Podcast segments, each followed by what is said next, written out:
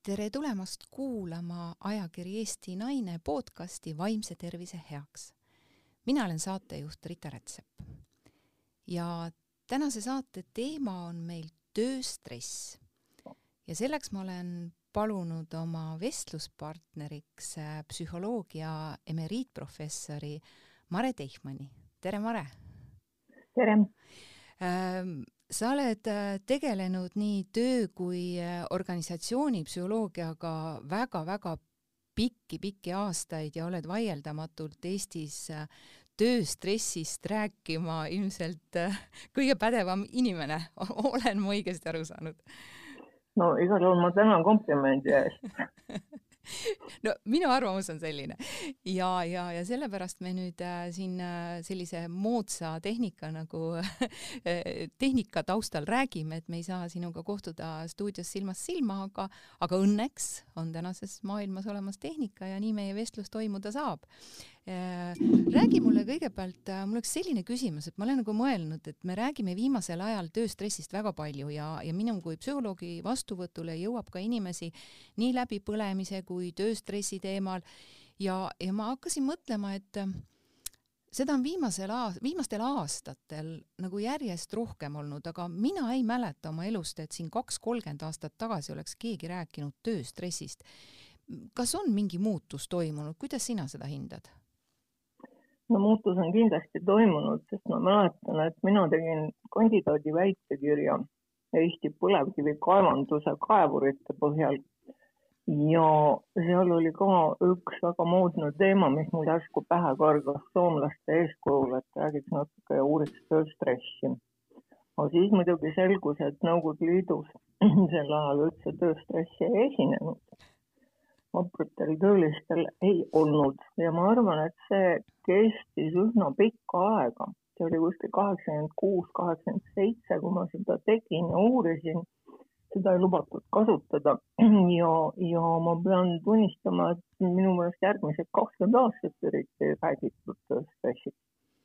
hakati kas... kuskil üheksakümnendatel rääkima. ahah, kas see oli nüüd sellepärast, et, et sellest ei tohtinud rääkida või või nagu päriselt ei olnud see teemaks? ei, oli küll teema, aga ei tohtinud rääkida, sest vapral nõukogude inimestel lihtsalt ei olnud niisuguseid imelikke asju nagu stress. Ahah, meil oli selline happy just, Nõukogude Liit just, siis, et tegelikkuses siis niikaua, kui inimene on käinud äh, tööl töökollektiivis, ma pakun välja, või siis ka töötanud individuaalselt, on seal mingi vahe, kas, kas seal on stressi tekkimisel mingisugune vahe olemas? tähendab, hakkame pihta nagu natuke veelgi kaugemalt, tähendab, stress on minu meelest kiviajast alates olnud inimese kaitse ja kohanemise aktsioon.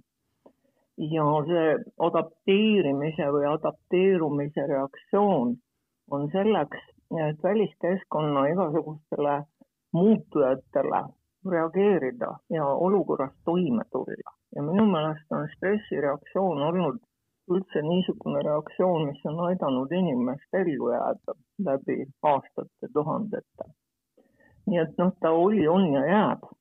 see on üks midagi, mis on väga inimlik, aga mis nüüd puutub tööstressi, siis, siis on tegemist liitsõnaga, töö ja stress sama hästi me võime rääkida ämmastressist või kodustressist või tarbimisstressist või rahastressist või millest iganes, eks ole, moodustada neid liitsõnu hästi palju.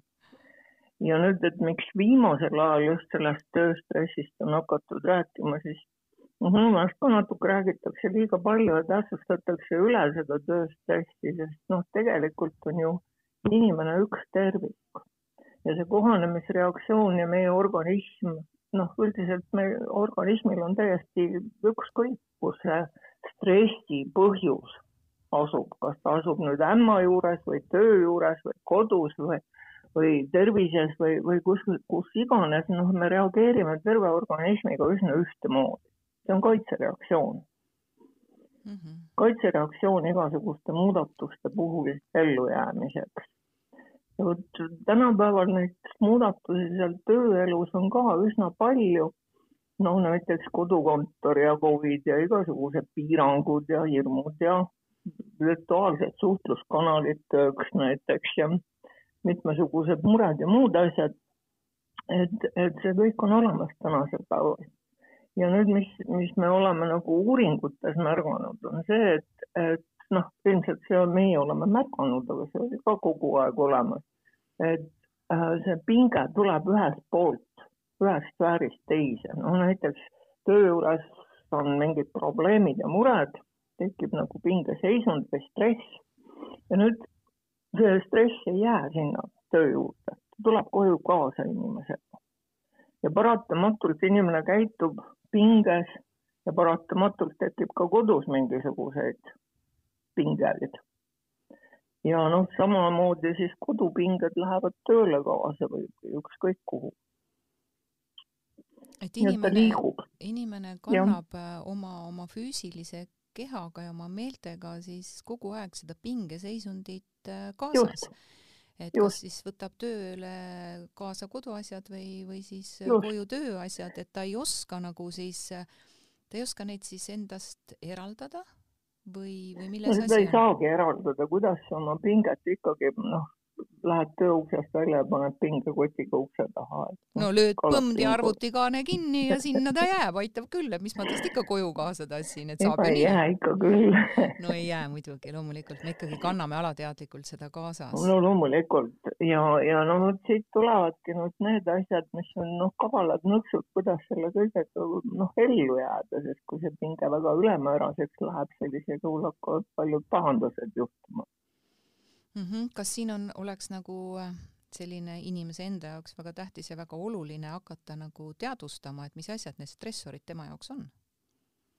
aga loomulikult, noh, selleks, mingi olukorraga üldse toime tulla, peaks nagu analüüsima, mis lahti on mm.. ja noh, kui me nüüd jälle hakkame defineerima, et mis asi see tööstress on, siis tegelikult on tööstress pingeseisund nii nagu igasugune stress. aga noh, kuna ta on tegemist tööga, siis ta on kogum emotsionaalseid, kognitiivseid, käitumuslikke ja füsioloogilisi reaktsioone ja neid kutsuvad siis antud hetkel, kuna on tegemist ikkagi tööstressiga, kutsuvad esile töö sisu, korraldus ja töökeskkonnas esinevad mitmesugused faktorid. see on nüüd noh, kõige levinum definitsioon tööstressile, mis on antud Euroopa Komisjoni poolt vist üheksakümne üheksandal aastal, kui ma ei eksi. nüüd Eestis on veel üks, üks niisugune imelik asi lahti läinud, et räägitakse segamini tööstressist ja läbipõlemisest. vot seda ei ma ole. tahtsingi küsida, et äh, kas neid aetakse sassi, need on ju täiesti erineva sisuga asjad. et äkki me räägiks no, lahti?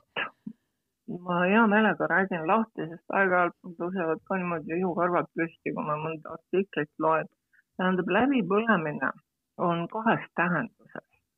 üks on see, mis, mida kasutavad meedikud ja mis on levinud Maailma Terviseorganisatsioonis, see on see burnout ja see on stressi, igasuguse stressi, noh, tööstressi sealhulgas viimane staadium, see kurnatuse staadium, kus inimene on puruhaige ja enam ei jaksa üldse elada. aga teine tähendus on see, mida Hollandi professor Wilmar Schaufeli andis sellele läbipõlemisele ja läbipõlemine siis hollandlaste arvates, aga see on levinud ka kogu psühholoogias, on üks tööstressi erivorm. Ja see tööstressi erivorm esineb nendel inimestel, kes oma töökohustuste täitmisel on sunnitud suhtlema paljude inimestega. no näiteks juhid, arstid, õed, müüjad politseinikud, noh, kõik, kes suhtlevad.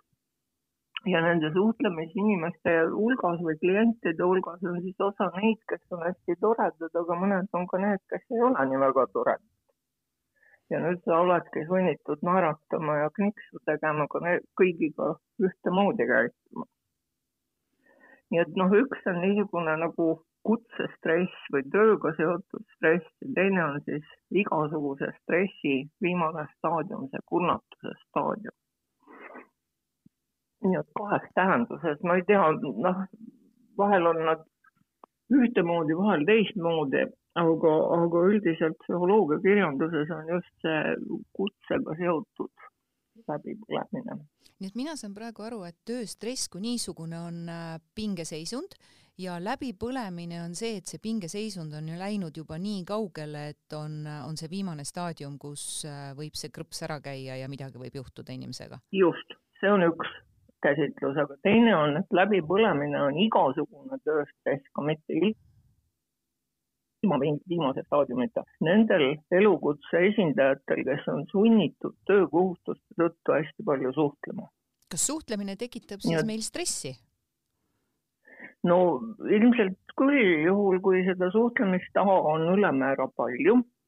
kui see suhtlemine ei sobi sulle näiteks päris hästi, noh, oled väga introvertne ja pead kuidagi klientidega suhtlema või see suhtlemine on niisuguse negatiivse iseloomuga kogu aeg või noh, suures osas. et pinge on kogu aeg äh, kuklas, et just, näen jälle just. seda inimest jälle, mida ta mulle ütleb, kuidas ta nagu minuga toimetab, mis pilguga just. ta mind vaatab ja, ja see lõpuks äh, hoiab inimese keha ja meele kogu aeg pinges, sest ta tajub nagu ohtu. just mm. -hmm, mm -hmm. kui oluline see äh, tööstressi teema üldse siin tänases Eestis on, on sul informatsiooni selle kohta? Tegelikult on, sest Pehe Konsult on teinud üsna palju igasuguseid uuringuid. ja noh, kui nüüd hakata rääkima, et, et noh, palju seda üldse on Eestis, et äkki üldse ei ole, et kõigil teistel on, aga meil ei ole. et siis päris nii ei ole. ma mäletan, et aasta oli vist kakskümmend aastat tagasi, kaks tuhat kaks, kui ma esimest korda hakkasin mõtlema, et mingi jama on Eestis lahti nimelt mind huvitas küll see, et kui palju siis on neid inimesi, kellel üldse tööstressi on. noh, mitu protsenti. ja kaks tuhat kaks oli niisugune suurepärane aasta, kus tehti kaks suurt uuringut, üks viidi läbi sotsiaal- ja turu-uuringute firmas Saar Poll ja teine viidi läbi Sotsiaalministeeriumis ja no nüüd need tulemused olid, Saar-Poll sai niisuguse tulemuse, et kaheksakümmend seitse protsenti töövõimelisest elanikkonnast kannatab tööstressi all, kaheksakümmend seitse protsenti. ja Sotsiaalministeerium sai tulemuse, kolmkümmend kaheksa protsenti. nii, kas nad no, mõõtsid erinevaid nagu... inimesi või ei, minul tekkis selline, et no mina pean tegema järelduse, et noh, ilmselt nulli ja saja vahel on õige vastus. siis ma hakkasin uurima, et millega ja kuidas nad uurisid, noh, on ilmselge, et seal on kuskil mingi jama. ja Saar Poll uuris nii nagu noh, igasuguseid turu-uuringuid tehakse, et helistas inimestele õhtupoolikul koju ja küsis, et halloo, kas sul on tööstress ja inimene vastas, et halloo, on küll, pane toru ära ja niimoodi loeti siis kokku kaheksakümmend seitse protsenti. ja Sotsiaalministeeriumi noh, metoodid, uurimismetoodikat ma ei saanudki teada, see oli päris ära salastatud, aga nemad said kolmkümmend kaheksa protsenti. selle peale ma loobusin igasuguseid kohalikke uuringuid noh, üldse tõsiselt võtmast. ja nüüd, kui võtta niisugused uuringud nagu Euroopa töötingimuste uuring Eurowork on selle, selle nimi ja neid avaldatakse ja tehakse kuskil iga viie, nelja-viie aasta tagant. ja noh, nad teevad enam-vähem igal pool ühe metoodikaga.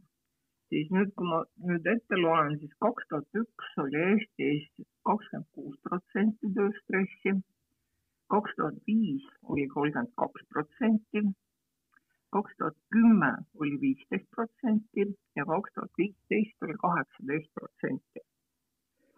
ja kaks tuhat kakskümmend andmeid mul ei õnnestunud kätte saada, aga nüüd meie enda konsultuuringut kakskümmend üks me saime niisuguse äh, taseme, et tööstressi on kuskil kakskümmend üks, kakskümmend kaks protsenti Need kuskilt tegelikult ümmarguselt äh, võttes kuskil üks kolmandik äh, Eesti tööjõulisest elanikkonnast kannatab siis äh, või on, on vähemalt teadlik siis tööstressi olemasolust iseendal?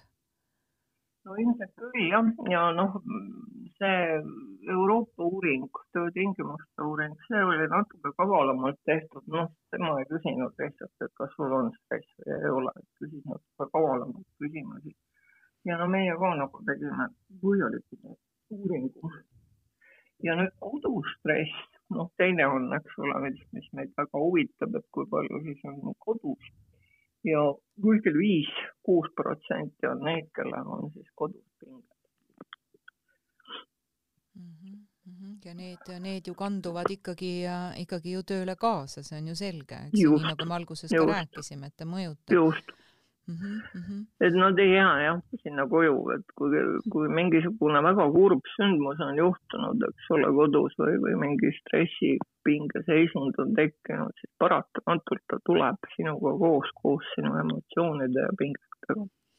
aga mida ja, ja kuidas üldse see tööstress inimese elu, elukvaliteeti, toimetulekut mismoodi ta seda mõjutab, mis meiega toimub siis?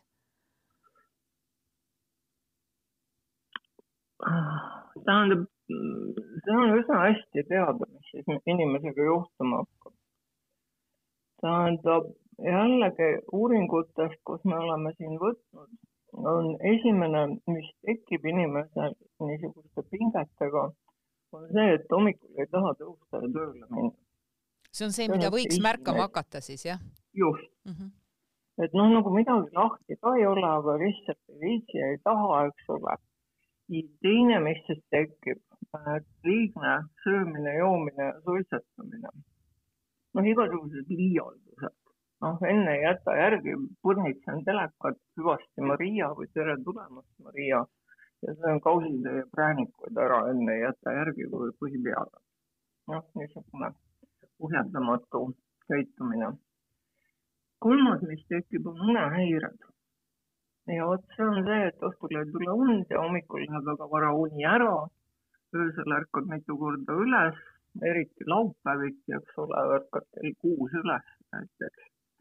et need on kõige esimesed asjad ja sellele üsna koheselt lisandub niisugune närvilisus või, või pinges olek töö juures, kui on tegemist tööstressiga et muutud niisuguseks pahuraks, tigedaks, nähvitsaks, kes noh, järsku märkab ja hakkab tõe ja õiguse eest võitlema, et noh, töökaaslane jättis kohvitassi minu lauale, et mis ta mõtleb, et mina pean seda ära korjama ja või et teised ei tee midagi ja mina pean kõik üksinda ära tegema just, ja. mina pean alati mm -hmm. tegema ja mis nad nüüd mõtlevad endast ja mm. -hmm. niisugune nähvamine ja, ja selle väljanäitamine ja pahurus ja, ja pidevalt niisugune halb tuju ja, ja sinna juurde tulevad siis niisugused asjad nagu hajameelsus, tähelepanuprobleemid, mäluprobleemid, noh, kõik niisugused kognitiivsed asjad. no ilmselt ka keskendumine, et suutmatus nagu ühele teemale ikka, siis keskenduda ja kõik sellised just, asjad ka just. sinna juurde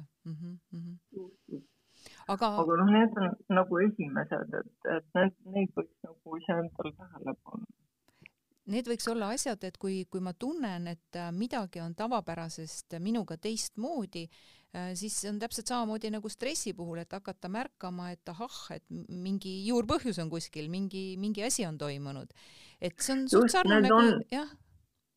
Need on need, need noh, ütleme, et stressisümptomid mm -hmm. tööstressi või ükskõik mis stressi, eks ole aga kas see, see, see, need on üldised jah, sellised stressile viitavad sümptomid, et midagi on nagu toimunud, aga kas on midagi ka sellist hästi spetsiifilist, et, et ma saan aru, et see on nüüd pärit tegelikult töökeskkonnast, et see ei ole nagu noh, ta tekitab stressi üleüldiselt ja mõjutab minu igapäevast toimetulekut, aga et, et see stressor on just nimelt töölt pärit. ja on küll, ja vot, kui niisugused sümptomid on, siis ma noh, esimesena soovitan inimesel maha istuda ja hakata uurima või panna kirja näiteks kõik oma probleemid, alates seda, et elektriarve on suur, raha on vähe, ämm tuleb külla ja, ja noh, kapsad ei maitse või mis iganes need probleemid on, kaasa arvatud kõik tööprobleemid. ja siis teha niisugune probleemide audit ja korjata siis välja need asjad, mis töö juures on teine ja natuke lihtsam viis on teha mõnda testi ja vaadata järgi, noh, mis sul on need äh, stressi põhjused.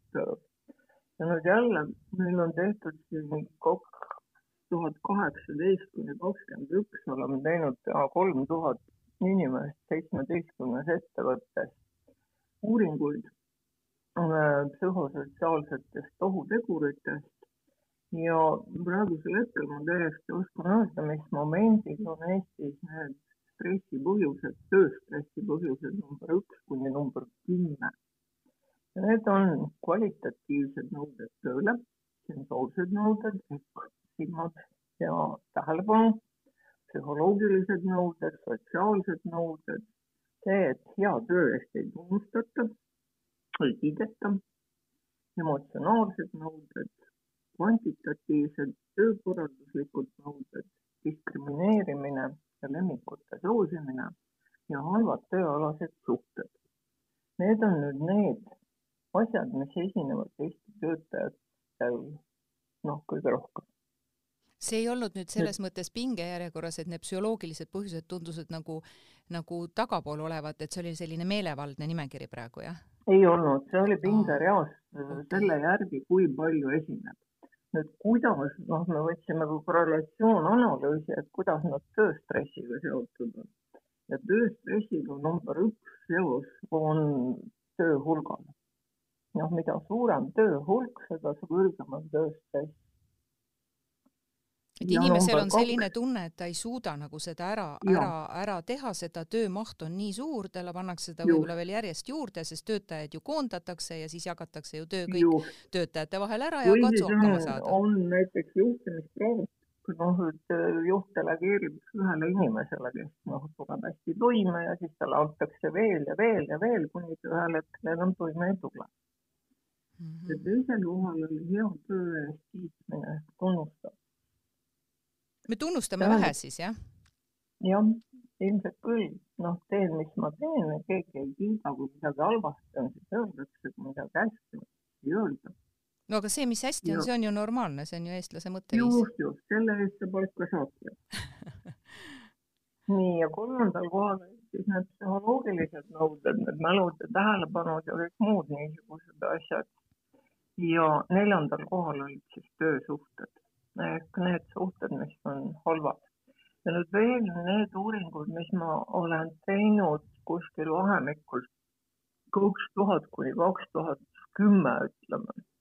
Nendes kõigis uuringutes, noh, erinevate elukutsete puhul arstid, õpetajad, ametnikud, oli stressi põhjustaja tööl number üks olid halvad suhted tööl nii et ilmselt siin ei tule meile NATO appi, me peame ise oma suhetega hakkama saama töö juures mm. -hmm aga, aga kui me mõtleme selle peale, et jah, et statistika ütleb nüüd ühte koma teist, me saame nendest faktidest teada, kuidas see nüüd inimest aitaks, et äh, kes saaks teda aidata ise kuskilt väljaspoolt, on see siis ähm, juhtkond, äh, on see siis äh, järelevalve, on see iga-aastane või üle kahe aasta äh, käidav tervisekontroll, mis me selle kõige infoga nüüd peale saame hakata?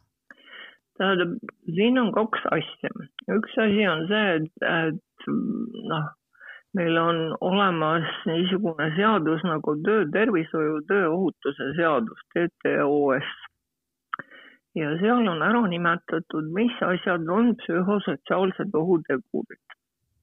ja seal on ära nimetatud, et tööandja on kohustatud vähemalt kord aastas uurima oma ettevõttes neid samu psühhosotsiaalseid ohutegureid ja siis selle põhjal midagi ette võtma ja need psühhosotsiaalsed ohutegurid ongi niisugused tegurid, mis võivad mõjutada töötaja vaimset füüsilist tervist, sealhulgas põhjustada tööstressi.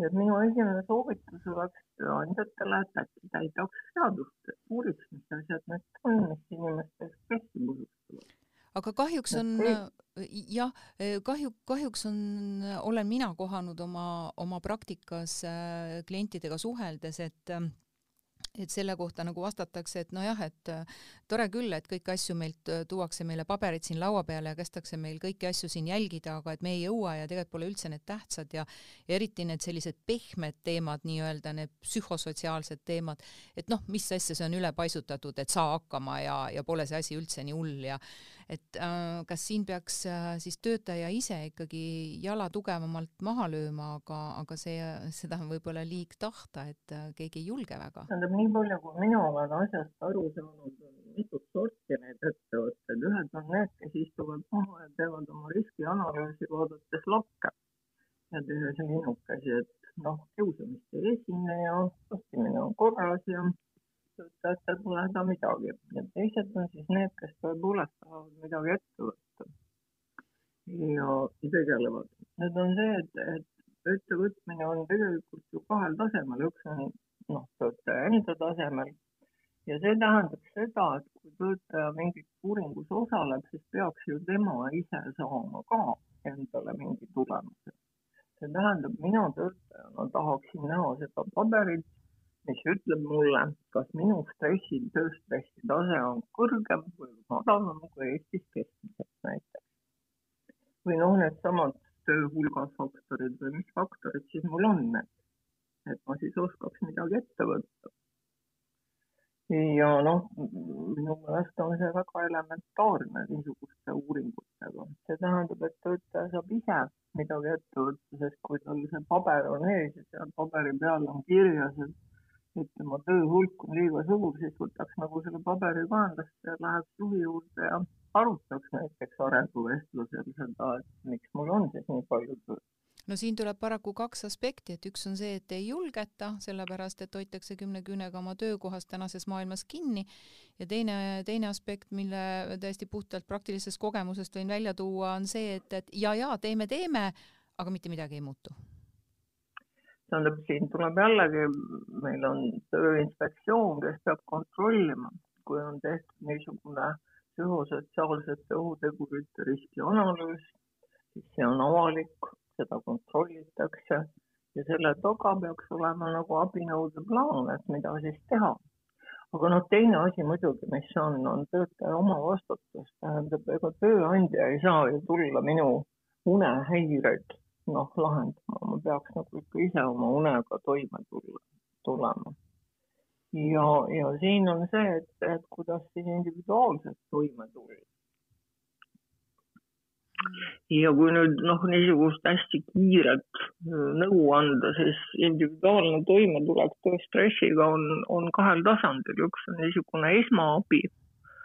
Sinna kuuluvad kõik nii-öelda kultuurivitamiinid ja muud toredad tegevused nagu hea film, raamat, muusika, huvitav inimene, kellega suhelda, hobid, loodus, aiatööd, koristamine, kokkamine, saunas käimine, mis iganes, mis sulle vähegi meeldib aga noh, ma võin silitada kassi nii kaua, kui ma tahan, mu stress ei kao kuskile, mu tööprobleemid on endiselt kuhugi. ja tegelik stressiga toimetulek on igal juhul, et ma pean tegema oma probleemides mingisuguse auditi ja neid probleeme lahendama no kõigepealt ilmselt üldse teadvustama, et, et ma olen sellises Juh. olukorras. et, et noh, on ka teisipidi, et näiteks äh, inimesed äh, ei kuula siis noh, ütleme ettevõtetes on olemas siis äh, töötervishoiu inspektor või kuidas teda nimetatakse seal Äh, vastava, vastava ala esindaja. töökeskkonna spetsialist. just, just, just, just ja, ja täpselt ja, ja siis tema läheb seal äh, töötaja juurde, ütleb, et äh, kallis mees, pane nüüd prillid ette, et, et see on, need killud või laastud siin lendavad ja tulevad mm -hmm. sulle silma või et pane palun endale need klapid pähe, sellepärast et see mürafoon on ikkagi nagu liiga suur siin selles tsehhis või ettevõttes ja, ja see inimene ei pane seda, ta ei, ta ei taha seda, ta võib-olla hakkab isegi vastu sellele inimesele või et ma olen eluaeg nii teinud ja mitte midagi pole juhtunud või et tal on isegi võib-olla natuke nagu piinlik seda teiste ees teha, et oh, kas ma ei ole nüüd õige mees või et ma töötan siin ilma prillita ja, ja kõik sellised asjad, et kas me oleme ikka natukene ise ka sellised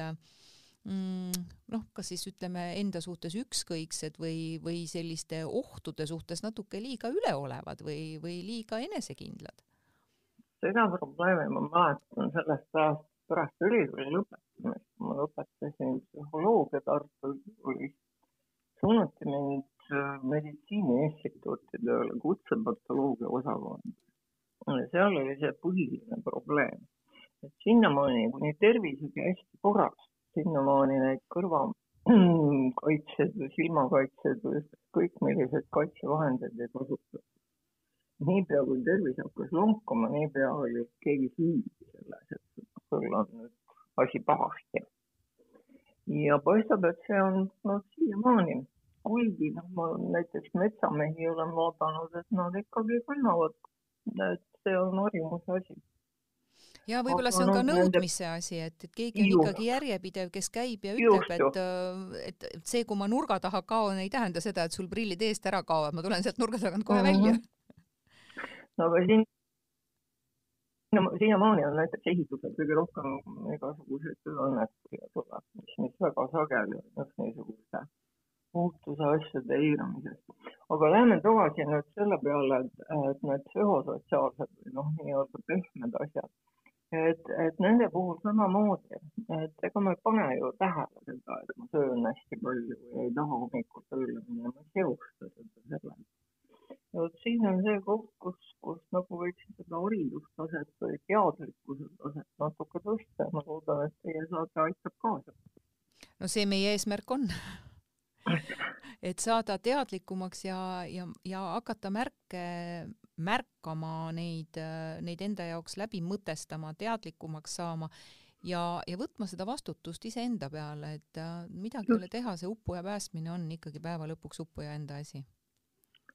No loomulikult ja noh, see asi tähendab ka seda, et ma ei ole eriti võimeline oma laste eest hoolitsema või noh, sellest elust rõõmu tundma, kus ma parasjagu olen mm. -hmm kuule, aga räägi natukene sellest äh, moodsast äh, sõnast, mis üldse kuidagi kokku ei käi, äh, kodu ja kontor, kaks asja, mis on täiesti erineva tunnetusega, üks on kodu ja teine on kontor, aga nüüd on nad kõik ühte ruumi nagu pressitud, et kuidas see mõjutab äh, sellist noh, stressi, stressitaset kindlasti, aga, aga kas seal me saame ka rääkida tööstressist, et kui me rääkisime praegu, et see on kollektiivist tulenevalt, et vot see teine, kolmas inimene mõjutab meid energeetiliselt, verbaalselt, iga, igatepidi, aga mis asi on see kodukontori mõju ja tööstress, kuidas, kuidas see omavahel käib? see on ka üks asi, ma just kirjutan praegu kodukontorist artiklit ja me võtsime jälle needsamad uuringud tähendab aastates kaks tuhat kaheksateist, üheksateist, kus seda kodukontorit ei ole, seal on üle tuhande kahesaja inimese. Ja siis kakskümmend, kakskümmend üks, seal on ka tuhat kolmsada inimest. Ja selgub nii, et, et tööstressi tase on tõusnud. ja statistiliselt oluliselt on tõusnud, nii et noh, see on nüüd fakt, et see kodukontor koos Covidi ja kõige muu jamaga on seda põhjustanud nüüd seda, mis on need tegurid ja, ja mis on need konkreetsed asjad, mis seal kodus häda teevad. et seda ma ei oska öelda, seda ma ei ole uurinud Eestis, aga, aga nii palju, kui ma lugenud olen, on ameeriklased päris hästi uurinud ja nemad räägivad niisugusest asjast nagu kodukontori sündroom ja see sisaldab siis esiteks seda, et, et inimene lükkab oma vajadused, noh, seesama Maslow püramiid, kõik need vajadused, mis seal rahuldamata parasjagu on, nii suhtlemisvajadus kui, kui võib-olla noh, turvatunde vajadus Covidiga, eks ole, ja, ja kõik muud asjad lükkab kuidagi ooterežiimile. ja kuna osa neist vajadustest on ikkagi väga elementaarsed ja inimlikud, siis ühel hetkel see ooterežiim hakkab kärisema. noh, see on liiga pikk. see on üks põhjus ja teine põhjus on see, et me ei tule uutes tingimustes jälle eriti hästi toime. no me ei tule eriti hästi toime nii-öelda kodu ja kooli ja, ja kontori. ütleme ise ka, me ei ole selle peale varem mõelnud meie elamistingimused lihtsalt ei võimaldagi seda, et keegi käib kodus koolis ja keegi on kontoris ja keegi veel kuskil on kontoris. et paratamatult tekib niisugune hullumaja eestkõla tunne. et need on kaks niisugust põhjust, pluss sinna otsa tuleb ka tehnika. et, et noh, toimetulek igasuguste tehniliste uute vidinatega see on siis ikkagi äh, ka jälle, noh, ega ei saa ikka stress ja tööstress äh, astuvad äh, kuskilt maalt ikkagi ühte, ühte jalga, et, et see on uus olukord, kus me oleme, meid on tõugatud mingisse sellisesse situatsiooni, mida me ei oska veel nagu ette ennustada või või ette määrata, et me oleme sellises tasakaalutuses natukene, et otsime alles seda, seda pidepunkti, millele toetuma hakata, et võib-olla see on selline üleminekuperiood siis alles? Ilmselt ongi, sest kodukontor on tulnud selleks, et jääda. ameeriklaste uuringud näitavad kuskil kaheksakümmend üheksa protsenti inimesi teatab, et nad tahavad ka edaspidi töötada vähemalt ühe päeva nädalas kodus ja seda on praegu, äh, olen ma siin Eestimaalgi kuulnud, kui äh, nii mõnigi äh, ütleb, et ah oh, kui hea, et kui vanasti mul ei lubatud ühte päeva nädalas kodus töötada, et arvati, et ma seal niisama viilin ja, ja, ja vaatan telekat ja lihtsalt chillin, et, et kuigi töö oli tehtud, et siis nüüd saab ta seda teha lõpuks, et, et, et jah, et eks sel, sellel on oma plussid ja miinused. tõenäoliselt niimoodi see asi lähebki, et, et meil on tehnilised vahendid täitsa olemas ja ja mõningatel puhkudel on täiesti õigustamatu näiteks noh, igasuguste koosolekute jaoks ajada inimesi noh, ühte ruumi kokku, et noh, milleks, saab ju kuidagi teistmoodi hoopis kiiremini ja otstarbekamalt. aga noh, samal ajal teise inimese läheduse katsumine ja, ja noh, koos olemine on samuti vajalik, nii et noh, ilmselt see kompromiss tuleb selle kahe vahele kunagi. ilmselt küll, sest praegu, äh, kui me rääkisime siin päris alguses sellest, et äh, tööstress, äh, psühhosomaatiline on üks selline teise inimesega kokkupuutumine, kes võib-olla ei ole minuga samal lainepikkusel või, või vähemalt kuidagi mõjutab mind negatiivselt oma siis kas käitumise või lihtsalt olemasoluga, siis teisest küljest tuli välja see, et me tegelikult tunneme puudust sellest võib-olla kohvinurgas klatšimisest ja, ja võib-olla nendest kõikidest emotsioonidest, mida siis üks või teine inimene nii positiivses kui negatiivses mõttes meis tekitab, et me vajame tegelikult seda, et ilmselt siis see kuldne kesktee saab olema, et natukene siis äh, tööl ja natukene kodukontorit ja, ja, ja kuidagi seal hakkame balansseerima siis. Jälle, kui ennustamine on vilets tegevus, mina arvan, et, et targad juhid võiks teha mitte üks päev kodukontoris, vaid vähemalt kaks päeva, sest ühe päeva ma pesen pesu ja käin koeraga jalutamas ja maandan oma pingeid ja kraamin ja, ja teen koduseid toimetusi. aga teise päeva ma ilmselt teeksin väga mõnuga tööd. nii et noh, see, see üks päev ilmselt ei tasu nagu ära hästi nädalas, aga üks päev oleks juba niimoodi, et ma noh, suudaks harjuda küll kodus töötama no soomlased on ju välja toonud, et, et Põhjamaadele tegelikult sobikski neli tööpäeva, et see vähendaks väga palju tööstressi. jaa, ei ole üldse paha mõte mm. -hmm. laseme selle lendu siis no tõenäoliselt see eeldab ka üsna, üsna rikast riiki, et, et see noh, tähendab jälle, see oli aastaid tagasi see oli enne Covidit tükk aega, kui Microsoft tegi niisuguse asja, et hakkasid väljaspool kontorit tööl käima.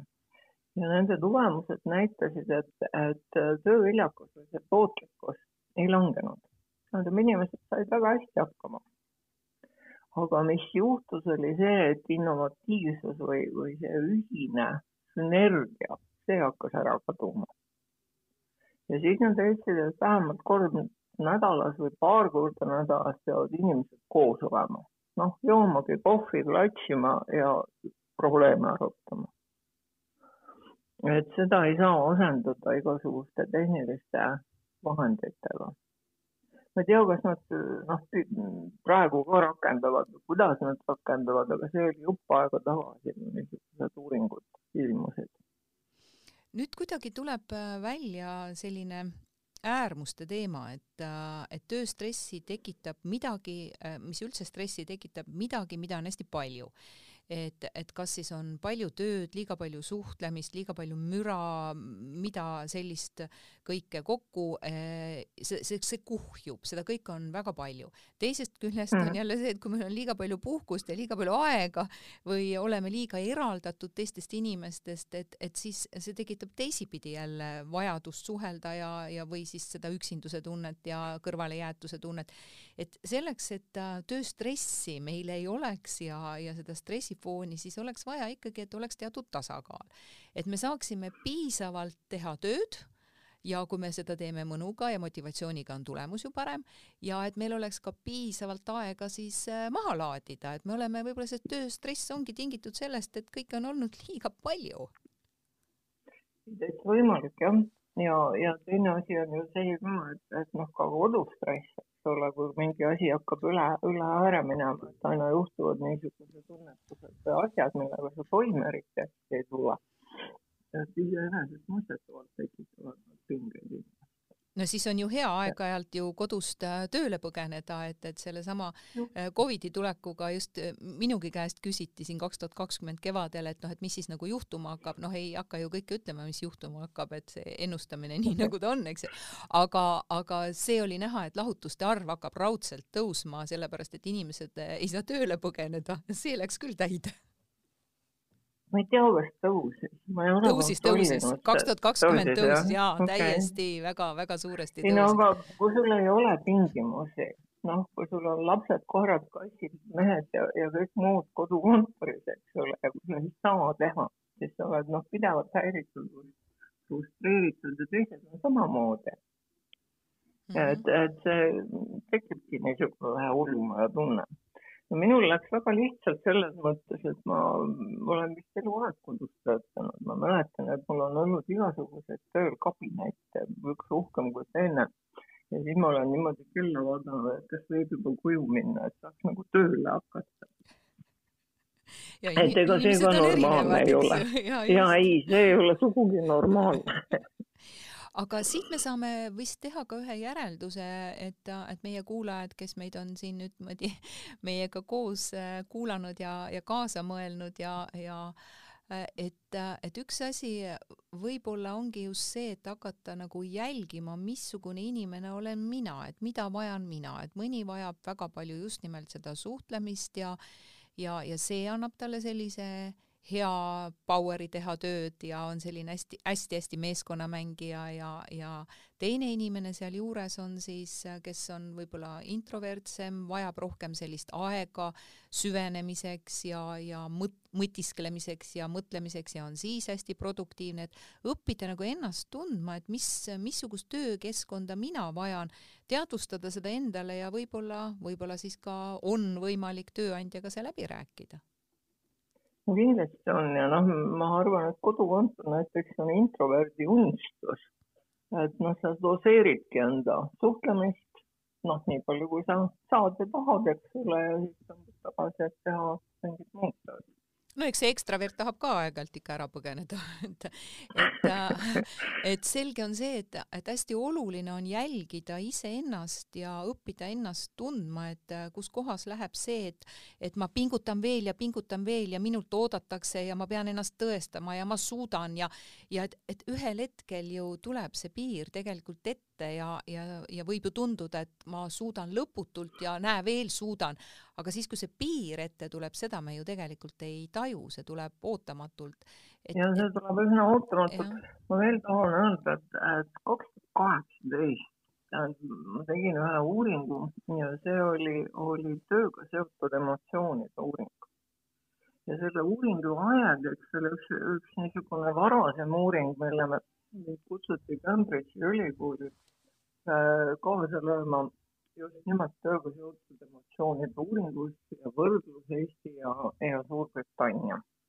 ja seal tuli välja niisugune häbiväärne, Eestit häbistav, Eesti töötajaid häbistav tulemus, et eestlaste, Suurbritannia töötajatel oli noh, peamiseks tööga seotud emotsiooniks positiivseks oli see, et noh, otsene ülemus patsutab ja kiidab ja miski asi tuleb hästi välja ja aga Eestis oli, oli pigem niisugused hedonistlikud emotsioonid, see tähendab, et noh, täna oli söökas hea kohvi.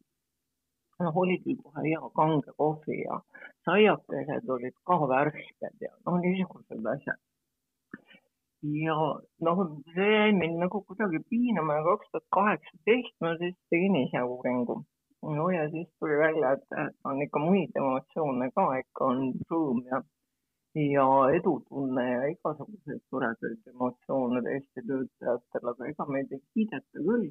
aga üks niisugune negatiivne asi tuli ka sealt välja ja see negatiivne asi oli niisugune muretsemine. noh, ma muretsen selle, teise ja kolmanda asja pärast. noh, muretsen lapsi, eks ole, on, on noh, niisugune kõne. Eest, eestlaste nali, eks. ja, ja aga, aga tõepoolest sealt tuli välja see muretsemine, tööasjade pärast muretsemine, et see tuleb koju kaasa ja, ja tuleb igale poole kaasa. et äkki, äkki hakkaks segama ja lõpetaks muretsemise. No jaa, seda on lihtne meile öelda, et öeldakse küll, et muretsemine pidi olema nagu kiiktoolis kiikumine, et kiigud ja kiigud, aga ei liigu jah.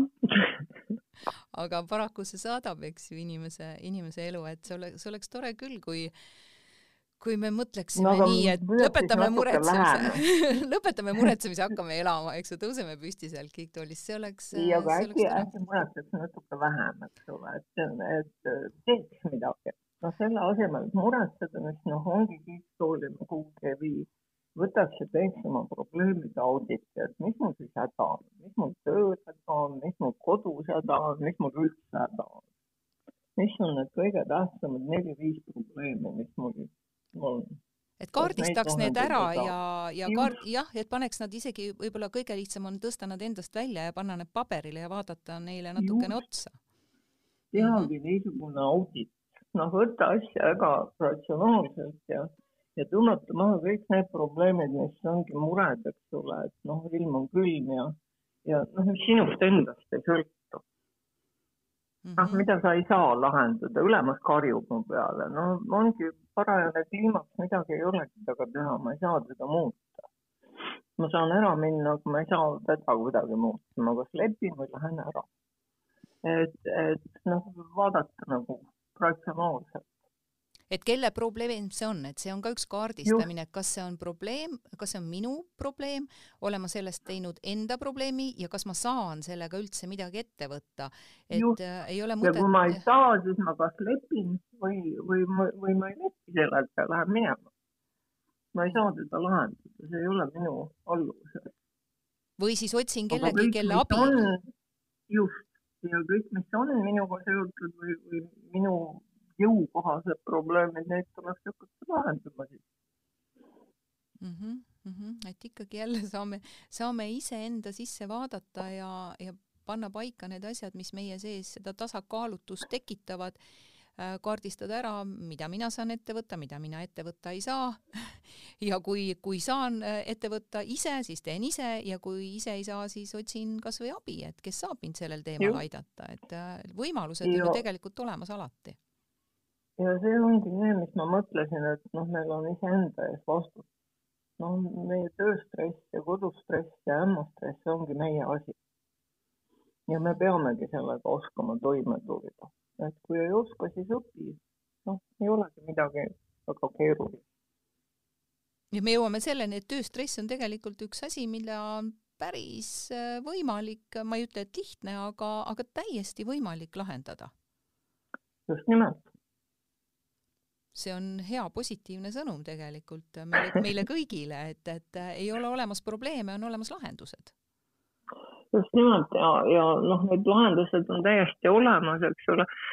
ma toon jälle ühe niisuguse natuke veidra näite, ma tegin äh, ühte niisugust uuringut psühhosotsiaalsete ohutegurite riskianalüüsi ühes ettevõttes.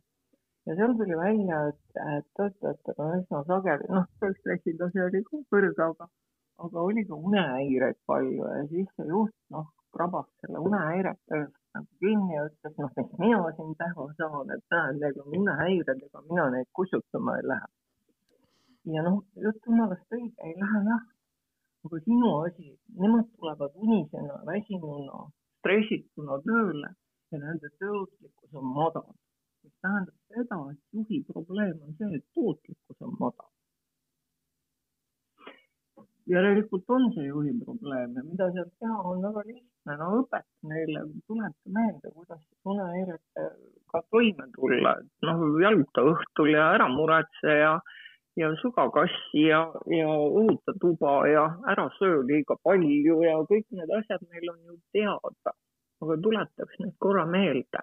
see on pool tundi mingit loengut ja no nüüd edasi tulebki iga inimese enda vastutus, kas ta siis teeb midagi või ta ei tee midagi. nojah, see on klassika, et jah, ma tean.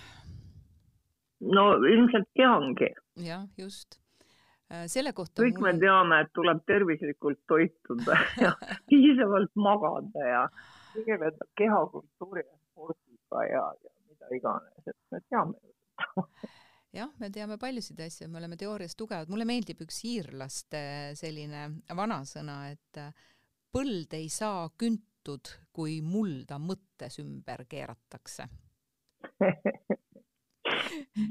Et, et me võiksime tegelikult täiesti siin sellise äh, nii-öelda lõpukokkuvõtte teha ja, ja tõesti, et, et mõtetes me teame paljusid asju ja võib-olla ka märkame paljusid asju, et üks asi on see märgata, see endast välja kirjutada ja see vastutus võtta, et, et siis seda põldu ka reaalselt kündma hakata. just me saame ise päris palju ära teha, et need asjad on kordades lihtsamad, et töö on pingutus ja selleks, et me suudaksime pingutada piisavalt, peab pingutusele vahelduseks tulema ka lõdvestus.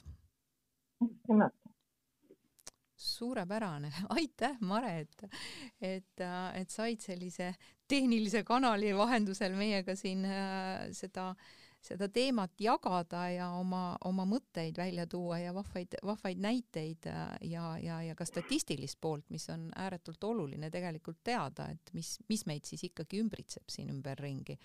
ma, ma ei tea, kuidas see tehniliselt nüüd meil siin kõik välja tuli, aga ma loodan, et, äh, loodan, et ikkagi äh, kõikidele, kes kuulasid meid raadiote vahendusel kuskil autos või kõrvaklappides, nii nagu podcast'e kuulatakse, et loodan, et see see ikkagi, see põhisõnum äh, jõudis ilusti kohale, et võtame siis, võtame siis kätte ja teeme tööd, aga samal ajal ka puhkame vahepeal. just.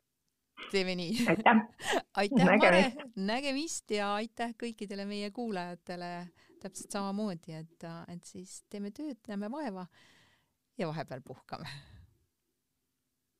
thank you